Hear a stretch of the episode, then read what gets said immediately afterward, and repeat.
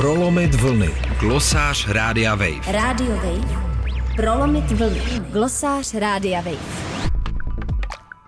Češi nejsou rasisti. Stejně jako Češi nejsou šovinisti, nemají zlaté ručičky nebo nejsou pivaři. Nemůžeme jednoduše generalizovat. Například já nejsem ani šovinistka, nejsem manuálně zručná, pivo piju málo a snažím se nebýt rasistka. Někteří Češi ale rasisti jsou a nestydí se za to. Pokud si chcete udělat obrázek o tom, co jsou schopni různí rasisté říct o černoších, stačí kouknout do libovolné online diskuze pod články o migrantech, Afričanech, Obamovi nebo o tom, že Jamese Bonda by nemusel hrát běloch. Ještě jiný level debaty ale nastává, pokud se netolerantně nebo dokonce rasisticky veřejně projevují známé osobnosti. Vzpomínám si, jak jsem šla před lety po ulici a naproti mne šel kluk. Držel se za ruku se svou dívkou. Když jsme se míjeli, otočil se na mě a řekl U, u, u, opičko, kde máš banán? Čas od času mi přijde anonymní zpráva, ve které někdo píše, že by se slušelo rozbít mi tu negerskou držku. A to mám docela štěstí. Nikdo mě ve skutečnosti nikdy nenapadl, což se nedá říct o všech lidech s africkými kořeny, kteří v Česku žijí. Protože tohle všechno vím, dokáže mě pořádně zvednout ze židle, když zahlédnu titulky bulváru, které citují jednu z nejslavnějších seriálových hereček, jak říká, že bílá rasa začíná být utlačovaná. Herečka Eva Burešová se v pořadu u kulatého stolu rozpovídala o tématech týkajících se rasismu, menšin a politické korektnosti.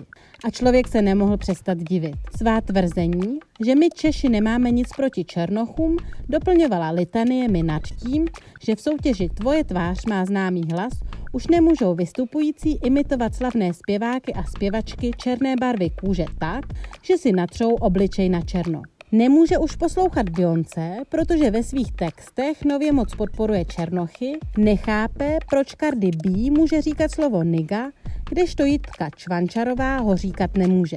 Na své cestě napříč nejohranějšími kliše na téma rasismus a útlach bělochů se otřela i o stahování filmů ze streamovacích platform kvóty amerických Oscarů podle jejího názoru nové formy cenzury.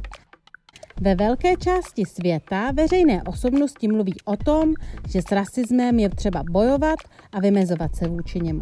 České osobnosti veřejného života naopak často mluví o tom, že antirasismus nás ohrožuje. Proč má ale část českých veřejně známých osob potřebu se vyjadřovat tímto způsobem? Jednoduše proto, že mluví o věcech, o kterých nevědí z hola nic. Z příjemné bubliny liberálních přátel se svět může zdát v pořádku. Ve škole se o rasismu a historii útlaku černého obyvatelstva a dalších menšin jako většina z nás nic neučili. Současným změnám v zažitých pořádcích tak nerozumí. Spojené státy a řada dřívějších koloniálních velmocí ale mají pohnutou historii. Otroctví bylo v USA zrušeno teprve v roce 1865. Následné segregační zákony můžeme považovat za čerstvou minulost. Zakládání škol pouze pro bílé bylo nejvyšším soudem uznáno za protiústavní až v roce 1954. Ještě v roce 1967 nebylo legální, aby si černou vzal běložku nebo opačně. A teprve teď si s přihlédnutím k této minulosti lidé začínají pořádně uvědomovat, že je čas být senzitivní, korektní a minulost kriticky reflektovat.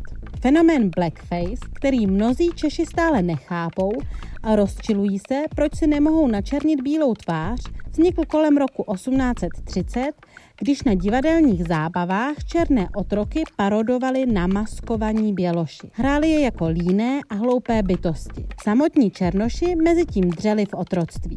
Každodennost afroameričanů byla ještě před méně než 100 lety opravdu tristní. V segregovaných hotelech či restauracích je odmítali obsluhovat. Přestěhovat se do běložských čtvrtí bylo často nemožné. Šikanovali je šerifové, v některých státech měli zakázáno vycházet po setmění z domu. Něco podobného se u nás dělo židům. Po tragédii rozměru holokaustu naše společnost snad chápe, že karikování židů do slušné společnosti nepatří. Je čas uvědomit si, že s respektem je třeba vnímat i černožskou historii a identitu. Než se začnou některé české celebrity vyjadřovat k tomu, jak se dnes afroameričanům nadržuje, měli by se podívat na to, jaké útrapy a nespravedlnost museli v minulosti zakoušet. Možná by pak chápali, že korektnost, která se dnes ve slušné společnosti stala standardem, nikoho nenadřazuje. Lidé z menšin mají právo se navzájem podporovat a některé kvóty nikoho nediskriminují ani nezvýhodňují. Pokud ani to nepochopí, možná by stačilo vrátit se k jedné poučce, kterou nás učili už jako malé děti. Nedělej druhým to, co se jim nelíbí. Pokud lidem vadí, když jsou oslovováni slovem negr, prostě to nedělejte. Pokud jim vadí, že si barvíte obličej na černo, prostě to nedělejte. Pokud se cítí být diskriminováni, zkuste zjistit proč. Není to tak těžké. Pro Radio Wave Johana Nejedlová. Prolomit vlny. Glosář Rádia Wave. Radio Wave. Prolomit vlny. Glosář Rádia Wave.